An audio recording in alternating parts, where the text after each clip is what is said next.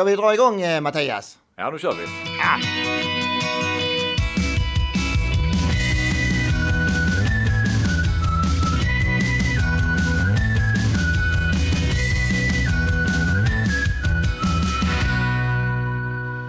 Hej och välkommen till eh, Sandpodden. Titeln är förkortningar av spel om pengar, alkohol, narkotika, doping och tobak. För det är just dessa ämnen som jag och mina sakkunniga gäster diskuterar här. Sant påverkar och ställer till en del problem i vårt samhälle. Jag heter Stefan Åberg och arbetar för Helsingborgs stad som förebyggande samordnare i dessa ämnen. Vill du ha massor av förebyggande tips? Gå in på hemsidan verktygsladanhbg.se. Medier rapporterar om olika våldsdåd och nu har Sverige även fått förhöjt terrorhot. En del personer i vårt samhälle blir utsatta för olika brott. Vart är vårt samhälle på väg? Och hur ska vi vända skutan? Det gamla uttrycket “det var bättre förr”, stämmer detta? Vår eminenta polischef i västra Skåne, Mattias Sigfridsson, kommer ge svar på tal. Häng kvar, för nu kommer du bli uppdaterad med viktig, bra information. Välkommen till eh, Sandpodden, Mattias Sigfridsson. Tack så mycket. Då var semestern slut och vi är tillbaks till busy igen. Ja, men nu är vi tillbaka i rutinerna efter en eh, härlig sommarsemester. Har du laddat batterierna? Ja, men absolut. Det är ju skönt att vara ledig lite med familjen och, och landa lite och komma ner i varv. Men eh, det går snabbt att komma tillbaka till eh, i rutinerna igen och med både jobb och aktiviteter. Så att, eh, och det är lite skönt samtidigt. Ja. Har det hänt något kul annars under sommaren generellt? Ja, men det är, det är ju kul att vara ledig och kunna tillbringa mer tid med, med nära och kära. Så att, eh, absolut. Men inga stora spektakel eller någonting som är värt att nämna. Ja, men då kan jag berätta lite kort om eh, eh, min sommar. Den har ju varit lite sådär i alla fall. Blivit ögonopererad så eh, ja, det har varit lite tufft. Men eh, nu ser vi framåt och en Barcelona-resa så jag är laddad. Härligt. Polis har varit med eh, i ganska många avsnitt här i Sandpodden och Eh, i ett av avsnitten berättar polischefen eh, Karim att han var en rätt så duktig basketspelare i ungdomen. Har du någon sån här trumfkort i rocken? Jag är uppväxt med, med idrott och, och rörelse och har provat det mesta. Och vill man skämta lite kan man säga att ja, men en gång var jag Skånetvåa i, eh, i häcklöpning. Men eh, vill man berätta sanningen så var vi bara fyra som startade och en tjuvstartade bort sig. Så det är ingen jättebedrift. Utan jag har nog haft mitt fokus på, eh, på fotbollen och tillbringat halva min uppväxt på idrottsplatser runt om i, i Skåne. Har du något sånt här hajarlag i fotboll i dagsläget? Ja, jag följer ganska mycket. Mest Premier League och Liverpool faktiskt. Ja, det var kanske inte du sa vilket lag du höll på i det svenska. Är det HIF eller är det Malmö? Ja, eller en kombination?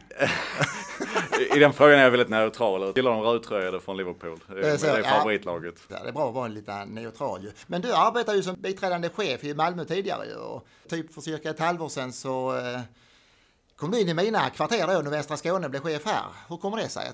Ja, men det, är, det är fantastiskt roligt med, med polisen och vårt uppdrag att vi är en stor organisation och det finns väldigt många olika både verksamhetsområden men också liksom att man kan byta geografi. Och efter fem år i, i Malmö både som biträdande och vikarierat som områdeschef för någon tid så, så kände jag att det var ganska naturligt och ett väldigt roligt uppdrag i nordvästra Skåne. Mm. Eh, och få arbeta på en annan plats än Malmö. Och jag har jobbat både regionalt och nationellt tidigare också. Så, att, eh, så det var en rolig utmaning som jag verkligen eh, trivs med.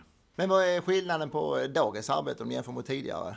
Det är ju ganska likt chefs och ledarskapet inom polisen och polisområdena både under Västra Skåne och Malmö har ju en problembild i en storstadsmiljö med utsatta områden med grov brottslighet. I nordvästra Skåne så finns det lite bredare problembild och det är ju 11 kommuner istället för en. Så mm. lite skillnad är det, men i stort så är uppdraget detsamma. Är det en stor skillnad på de här 11 kommunerna? Ja men det är det. det, är det. Ja. Uh, och, det är ju intressant och den samverkan sker ju väldigt nära mellan lokalpolisområde, kommunpoliser och de här 11 kommunerna. Men, uh, men det är klart att polisens viktiga vision att din polis gör hela Sverige tryggt och säkert. Mm. Eh, ja men det kan ju vara utmanande när grov brottslighet trycker på oss. Vi har just nu arbetat väldigt nära på gränspolisiära frågor till exempel och, och, och räcka till för för alla i hela den här geografin. Det är en av våra utmaningar. Mm. Men vilken är det minsta av de här elva? Eller hur många personal jobbar på den här polisstationen?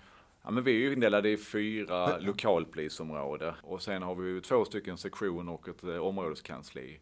Eh, sen är ju polisen organiserad i en hierarkisk och en matrisorganisation där vi har Eh, regionala enheter och nationella enheter. Så det är inte så enkelt att det bara är någon som arbetar på en geografisk yta utan det är ju vår stora utmaning att få mm. samman både hela polisen men också för hela samhället. Att mm. det är ingen som sitter själv i alla fall. Det är ingen som Nej, sitter själv och, eh, och sen kan vi verkligen bli bättre på det där. Men så ja. är det. Mm. Ja, man ska alltid ha något att jobba på. Men mm. är det något du saknar annars är det skönt att slippa med det gamla jobbet om du tänker på det du har idag? Nej, men som sagt det är ganska likt. Det är det, det är men, men, det, men det, det som är väldigt roligt är också att byta eh, perspektiv och, och byta. För även om det är en, samma uppdrag så, skiljer sig kulturerna lite mm. grann och lite hur man har arbetat och man riktar arbetet utifrån lokala problembilder. Så att det är ett ömsesidigt lärande. Jag har ju lärt mig saker sedan jag kom hit. Varför har inte vi gjort så i Malmö? Och så förhoppningsvis tvärtom också. Och vi har gott kaffe här i Helsingborg också. Dessutom. Om inget annat. Så det måste vara bättre än Malmö som sagt. Tycker du att västra Skåne, annars ligger vi i framkanten här i hur vi jobbar? Ja, men eh, det är ett fantastiskt roligt eh, uppdrag att vara chef och ledare i polisen och i nordvästra Skåne och har ju så otroligt många engagerade medarbetare som vill så mycket och jag är också imponerad över hur samverkan sker i flera av våra kommuner där man ligger liksom långt fram och vågar prova nya metoder för att möta utvecklingen. Om jag har förstått det hela rätt så är Helsingborgs stad och polisen ganska tajta. Ja men absolut. Och jag tror att det är en eh, nödvändig utveckling eh, att eh, med de förändrade samhällsutmaningarna att vi blir bättre på att jobba tillsammans. Och, och Helsingborg är absolut ett lysande exempel på det med stora gemensamma mål, samverkan, men också operationer som till exempel Klöver. Mm. Och det ser vi också i flera av våra lokalpolisområden mot flera av kommunerna där, där samarbetet är väldigt gott. Men skiljer brotten sig på en storstad mot mindre ja, men, kommuner? Ja men det kan de ju göra i viss mån. Men jag tycker att om man tänker på den brottsligheten som får mycket fokus i, i framförallt media och kanske också samhällsdebatten, den ser ungefär likadan ut. Framförallt titta på Helsingborg, Landskrona och Malmö. Det kan vara mängden och omfattningen men, men den grövsta brottsligheten den sprider sig och mm. påminner mm. om vartannat i, i stora delar av Sverige just nu. Så här man bor i småorter så är det ungefär liknande som stora? Ja men det kan ju vara vissa brott, ja. eh, till exempel med, med jaktbrott och den typen av brott som, vi kan, som är betydligt vanligare i vissa av våra kommuner här uppe. Det har man inte så ofta när man jobbar i Malmö. Mm. Men en annan sak det pratas eh, ganska mycket om i media det här va? att det finns en hel del vapen och knark i Sverige. Är det någon stor skillnad på var man bor någonstans? Men jag tror att det handlar väl om tätheten, hur, hur mycket personer som bor där och, och vi vet ju att det finns en stark koppling till våra utsatta områden som ju finns i städerna och i våra segregerade mm. områden. Men vi vet också att det där finns i, i hela Sverige och både våra lärdomar från krypterade plattformar, Encrochat och så vidare. Eh, och också någon eh, tidning som har provat köpa ett vapen så ser vi att har man bara kontakter inom den här världen så, så är det ganska enkelt och tillgången på vapen och narkotika är tyvärr ganska god. Mm. Har man någon humor mängdmässigt i både vapen och narkotika? Narkotika vet jag har diskuterats om, men har man även på vapen? Det ja, finns... men det, det, finns ju uppskattningar. Det finns en uppskattning. Sen, okay. är, det ju, sen är det ju svårt. Eh, mm. Narkotika är ju mer ett omsättning, där kan man ju genom prover i, i, i avfallsvatten och så göra mätningar på hur mycket. Ja, i Helsingborg. Ja. Absolut, ja. och i många kommuner. Men, men medan vapen är kanske inte, inte lika lätt att uh, mäta. Men vi har absolut uppskattningar kring det. Jag har inte siffrorna i huvudet men, men generellt kan man säga att tillgången är god tyvärr. Ja, det går inte att skicka ut en sån här enkätundersökning precis. Att de svarar, har du knark eller vapen hemma? Det är... Tänk om det varit så ärliga människor här i Sverige om man kunde kört den varianten. Ja, vem vet, det kommer ja, Men en sak jag har funderat på, hur, vad tror du det beror på att både skjutningar och sprängningar och sådana här, såna här saker, att det förekommer mer i Sverige än grannländerna? För, för jag tänker på även narkotika, knarkandet generellt ju, det är ju inte det lägre i, i Sverige jämfört med grannländerna.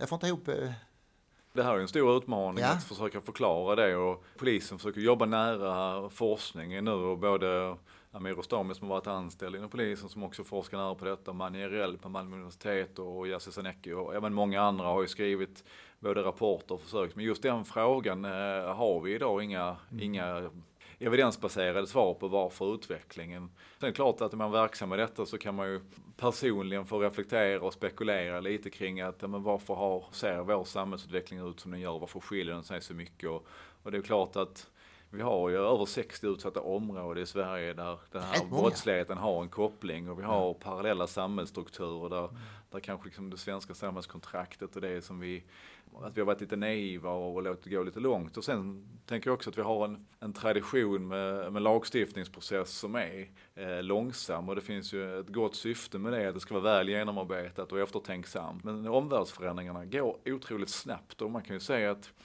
våra grannländer, när vi tittar på, på Danmark, Norge, Finland, de har ju varit mycket, mycket snabbare med att införa da, hemlig dataavläsning till exempel. Mm. Det har vi ju haft i förslag i flera statliga utredningar, både 2005 och, och, och senare, men inte landat i förrän rätt så nyligen. Kronvittne, anonyma vittne är några verktyg som de har. Och sen är ju inte alla de här, det är ju inte några enskilda åtgärder som är gudagåva, men jag upplever ändå att de länderna är snabbare till att förändras. Vi är inte snabba ut för startblocket, Sverige. Nej, och inte heller förutseende vad som komma skall. För egentligen så i, i den bästa av världar så nu 2023 så skulle vi börja fundera på vilken lagstiftning vi behöver 2030 om mm. vi ska hålla den lagstiftningstakten. Mm. Men vi är ofta repressiva även i lagstiftningen, även om det just nu händer ganska mycket och har gjort senaste fem åren så är vi ändå på efterhand. Kan ibland spekulera kring om, om det också har en påverkan att att eftersom inte de rättsskipande myndigheterna i Sverige har haft rätt verktyg så har vi också blivit attraktivare för, för vissa nätverk. Då kan vi hoppas att det blir lite förändringar på den här biten. I Det arbetar vi varje dag för. Varje dag. Men hur funkar sam, samverkan med annars de nordiska länderna?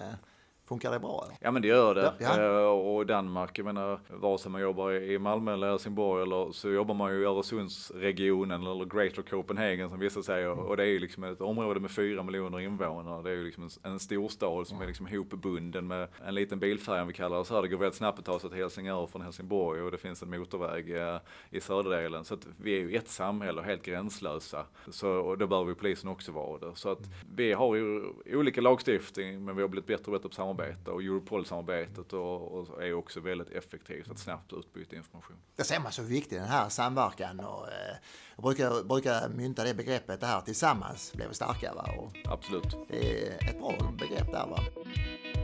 Har brottsligheten generellt, har den förändrats med tiden?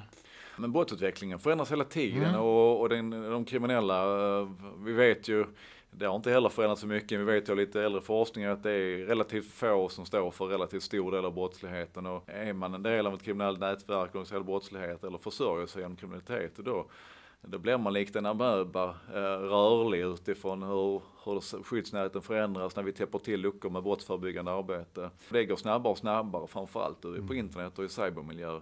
Så brottsligheten förändras. Vi ser ju att den totala brottsligheten går ner, både den anmälda men också när vi mäter i trygghetsmätningar och annat att ja, men färre utsätts för brott.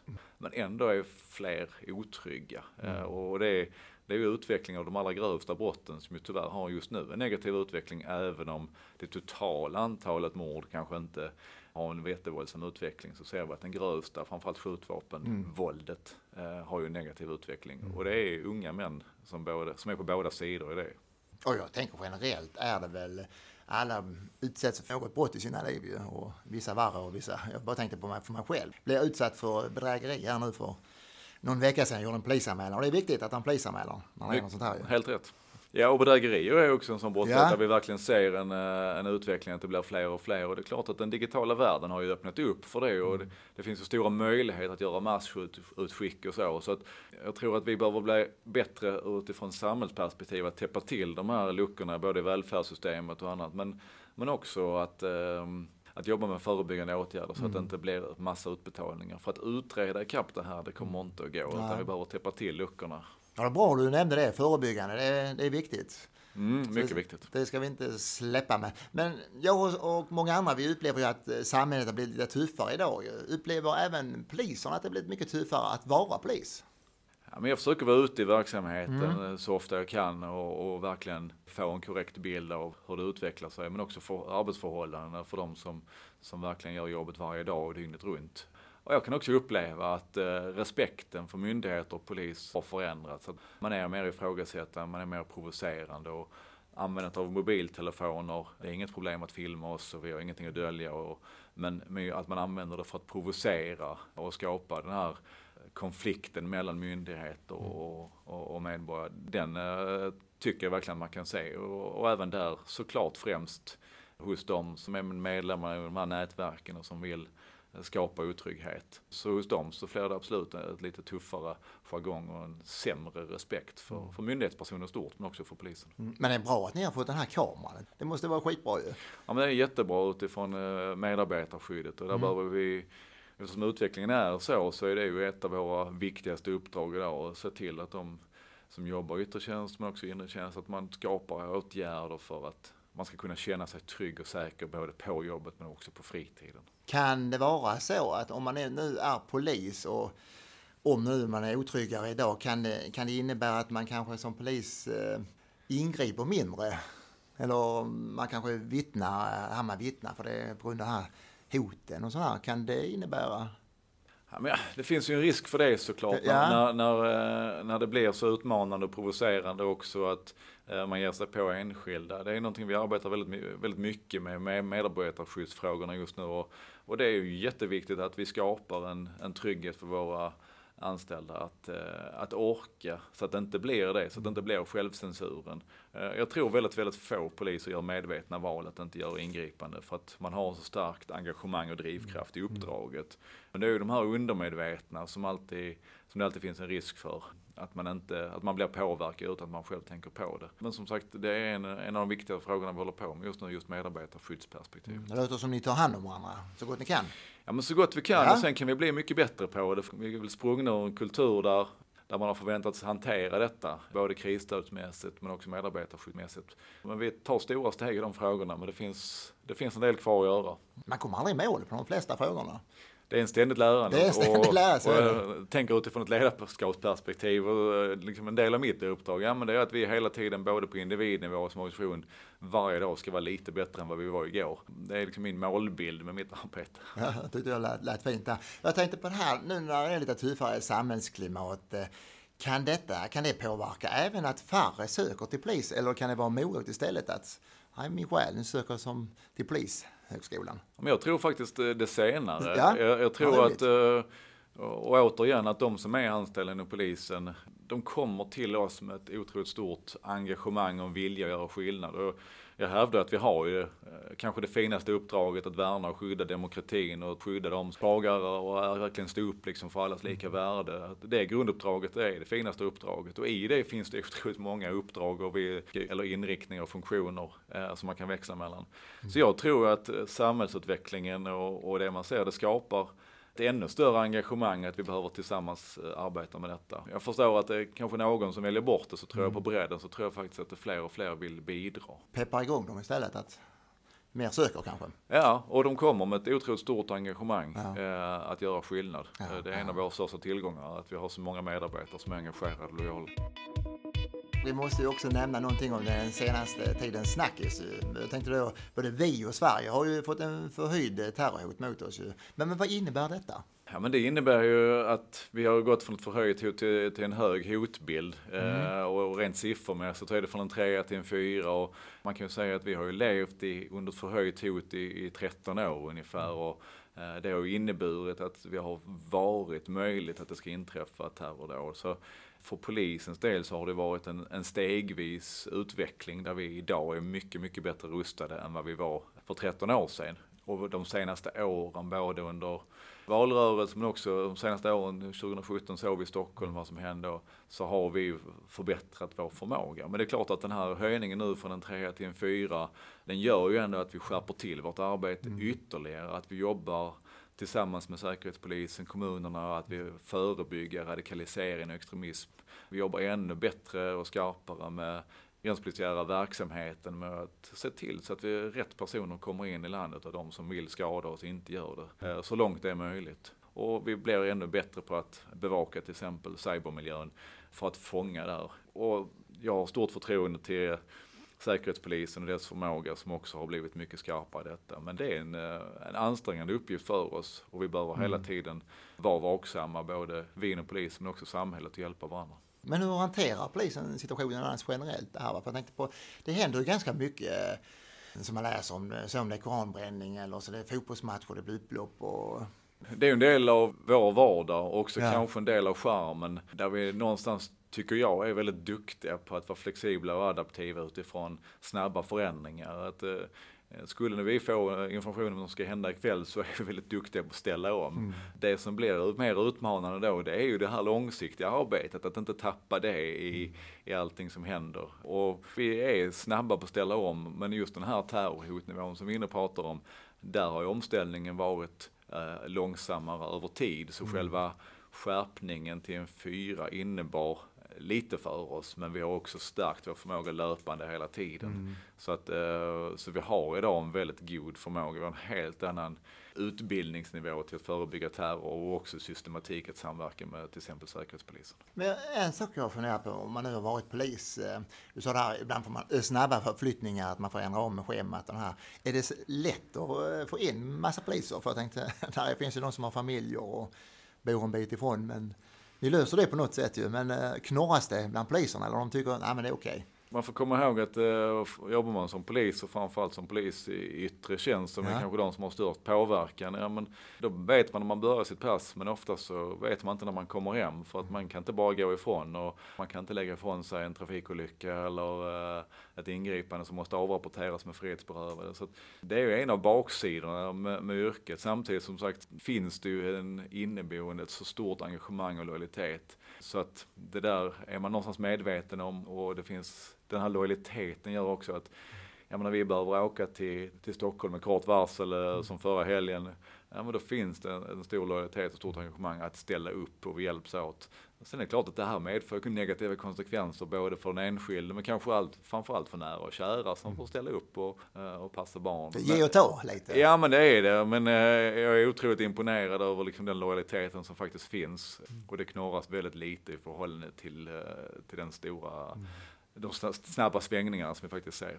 Och framförallt det du var inne på tidigare, det här med att göra en skillnad. Ja. Det måste ju ändå vara gott på något sätt. Och sen finns det inom polisen som vi också nämnt lite tidigare, där finns så många olika sorters yrken. Man behöver kanske inte vara ute på fältet. Ju. Det finns ju andra också om man nu känner att man vill hålla sina fasta arbetstider. Ja, men det finns väldigt många olika yrken och där det finns liksom, när man under olika faser i livet kan byta både precis som mm. arbetstidsförläggning men också inriktning och Eh, saker och ting passar olika bra. Men just karriärvägen och utvecklingsmöjligheterna är ju enorma inom, mm. inom Polismyndigheten eftersom vi är en så stor myndighet. Och jag ser även i Helsingborgs stad, det är ganska många poliser som har gått till, till oss. Så, ja, ja, och, och det tackar vi för. Ja, och det är positivt också att vi kan berika varandra. Och, och många av dem kommer ju tillbaka sen eh, väldigt väl utbildade och har ja. en bättre förmåga till samverkan. Ja, det är ordet, ge och ta. Exakt. Samverkan.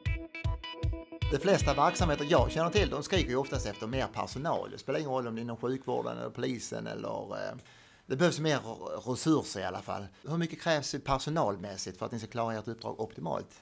Jag hävdar att vi klarar vårt uppdrag idag, men vi tvingas göra väldigt tuffa prioriteringar mm. ibland. Och här kan ju både jag och säkert många av mina medarbetare i hela vår organisation känna igen sig att, att ibland så finns det en frustration att vi inte kan leverera så mycket verksamhet som vi skulle vilja.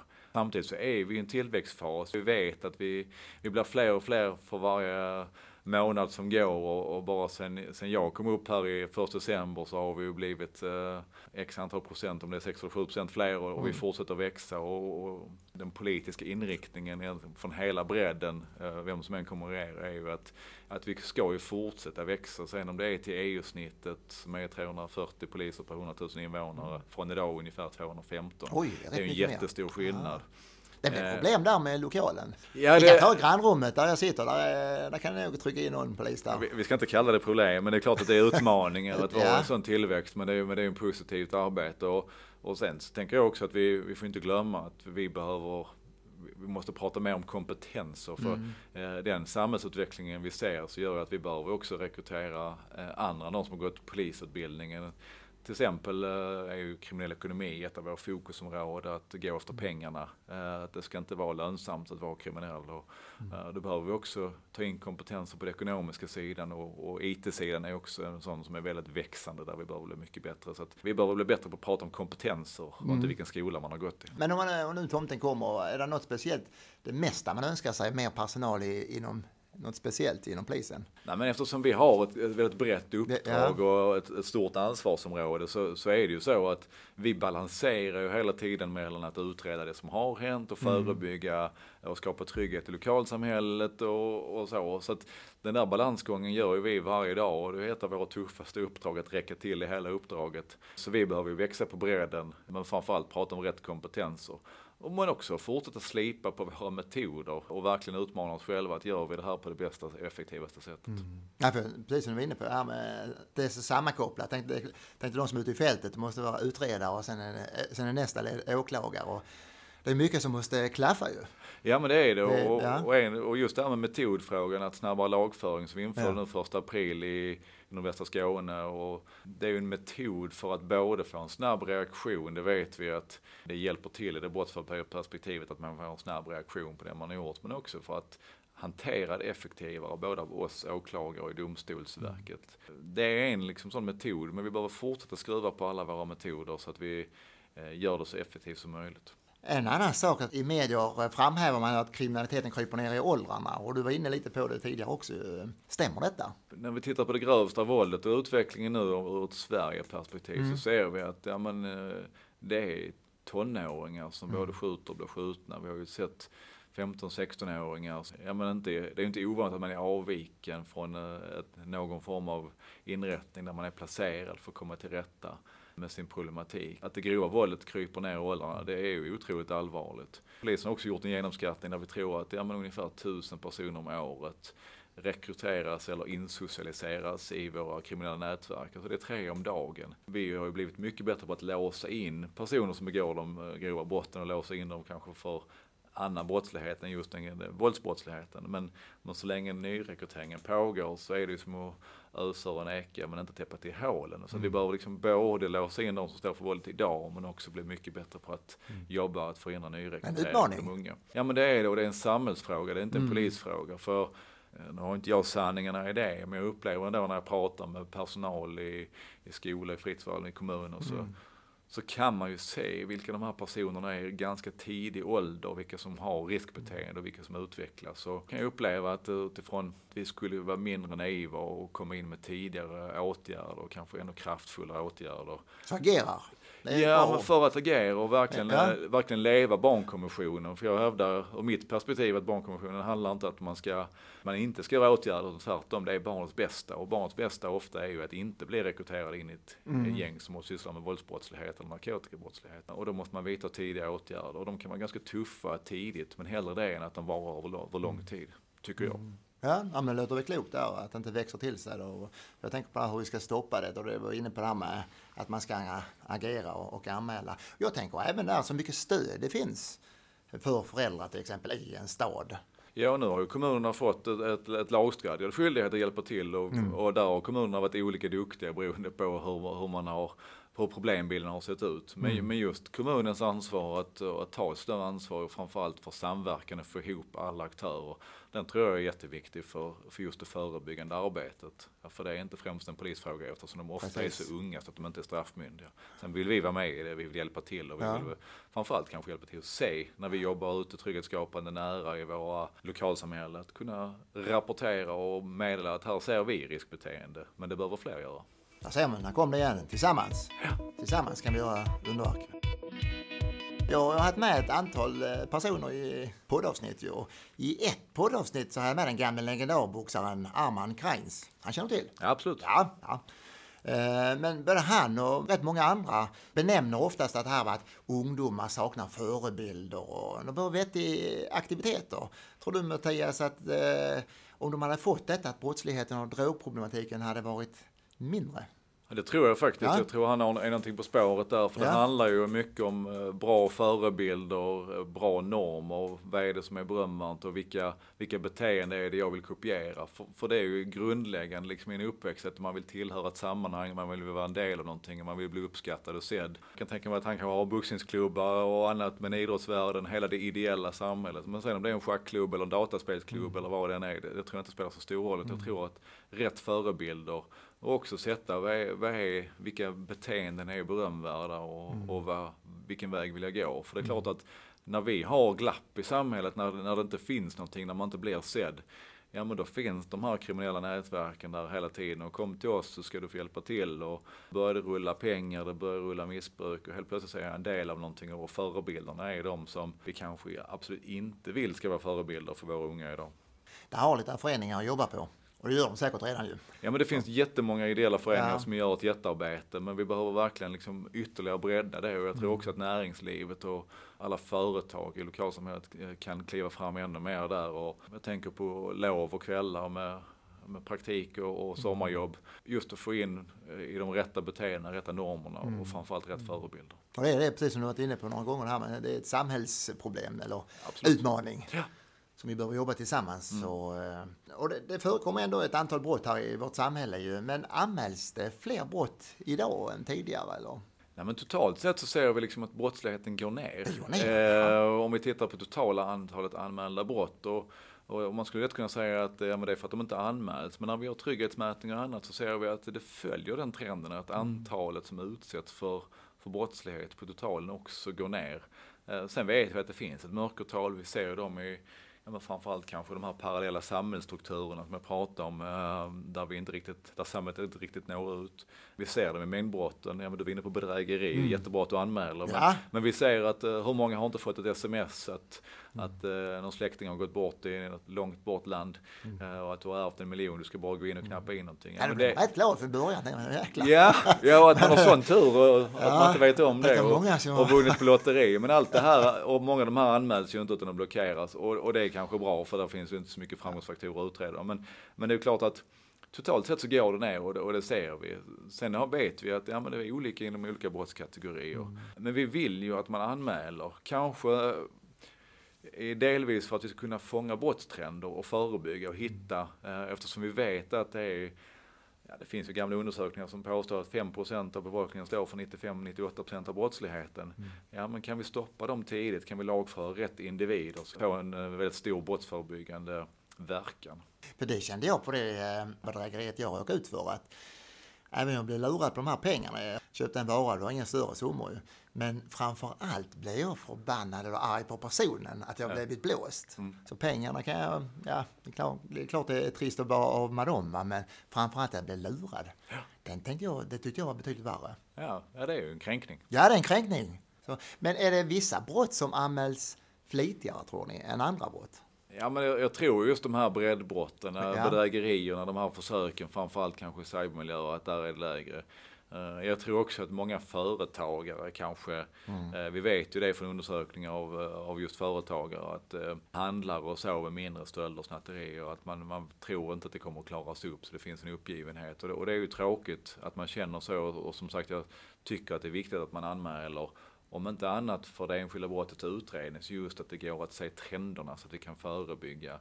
Och vissa brott som jag var inne på, eh, till exempel brotten mot välfärdssystemet, bedrägerierna där, att ja men där är det ju inte utredning som är det viktiga utan där är det ju att hitta sårbarheten så vi kan täppa till mm. luckorna. Till exempel i BankID har man ju mm. jobbat med när man jobbar mot bankerna för att det, där finns sårbarheter i den digitala världen. Jag måste berömma er för jag är duktigt imponerad av eh, polisens arbete. Jag tittar på lite statistik där, jag tillhör ju socialförvaltningen och ni är ju klart bäst eh, i klassen ju, på att göra orosanmälningar om man mm. jämför mot andra myndigheter och till exempel en tredjedel av alla ärenden som kommer in till oss då, va, det kommer från er. Mm.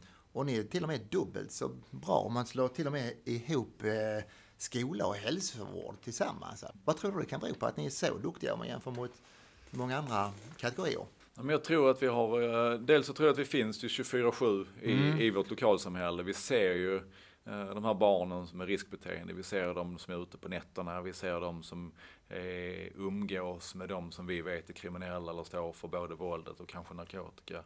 Det gör det ju en faktor att vi finns i de miljöerna och ser riskbeteende. En annan faktor tror jag att det här är någonting som vi har arbetat med eh, långt tidigare att börja göra, att känna sig trygg med att sekretesslagstiftningen och socialtjänstlagen medger, till och med kräver av oss att vi ska hjälpas åt att synliggöra det här så att man kan sätta in rätt och tidiga åtgärder. Och sen tror jag också en tredje sak att vi har blivit bättre på samverkan. Mm. Så vi faktiskt ser att det leder till effekter, att socialtjänsten hjälper oss göra bra åtgärder. Där liksom LVU kanske är den yttersta. Men i, i, i många fall kan det vara barnets bästa. Och det är just det som är nyckeln i samverkan kring det här, att vi skriver så att man kan omhänderta barnets bästa. Jag hör att du är en stjärna till socialförvaltningen. Ja, och, ja. och det, där har man gjort en resa tycker jag, liksom, ja, eh, i, i, många kommuner har blivit mycket bättre på att göra de här tidiga åtgärderna. Där vi har haft ett kanske tidigare, och då pratar kanske 15-20 år, en väldigt defensiv läggning att man får fortsatt vård i hemmet. Det, men det är ju det som inte har gått så bra. Här behöver vi göra andra åtgärder. Jag kan inte nog trycka på barns bästa ibland. Det är verkligen, det är en skyddsåtgärd att hjälpa dem tidigt. Vad tror du behöver hända för att eh, fler ska göra sådana orosanmälningar? Dels så tror jag att sekretesslagstiftningen behöver ja. bli enklare. Mm. Eh, den, eh, den behöver, det behöver ett omvänt förhållande. Idag så är den, den förklarar allting som är förbjudet och medger undantag. Jag tycker att det borde vara tvärtom för att förhindra brott och för att hjälpa barn och ungdomar framför allt. Men utifrån helheten så ska vi, brottsbekämpande och vårdande myndigheter, vi ska dela information till varandra. Och sen så finns det undantag när vi inte får göra det. Då är det den enskilda handläggaren, för det är faktiskt där sekretessprövningen görs. Mm. Den enskilda utredaren hos oss, den enskilda skolsköterskan eller läraren eller vem det kan vara. Då hade man känt sig tryggare att jag får dela och det finns, mm. man har tagit bort rädslan att göra fel, att dela information som man inte får dela. Och sen handlar det om också att hjälpa varandra att förstå att det faktiskt blir en effekt som man känner att det är lönt. Mm. Uh, och den ser man också i samverkan att, ja men när vi tillsammans, vi har ju SSPF-samarbete, sociala insatsgrupper, vi har ju väldigt mycket evidensbaserade metoder som vi vet fungerar. Ja men när vi delar den informationen, vem gör vad i den, för det här barnet, familjens skull, och så hjälps vi åt och då kan vi snabbt komma till rätta med ett, ett tidigt problem. Då måste vi våga se problemet och det, det tror jag bör göra helt enkelt. Vilken bra information du kommer med ja, det är perfekt.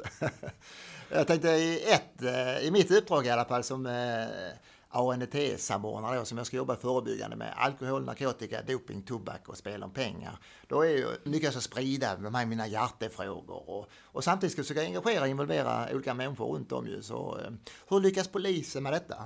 Men ni gör också detta ju. Ja, men ja?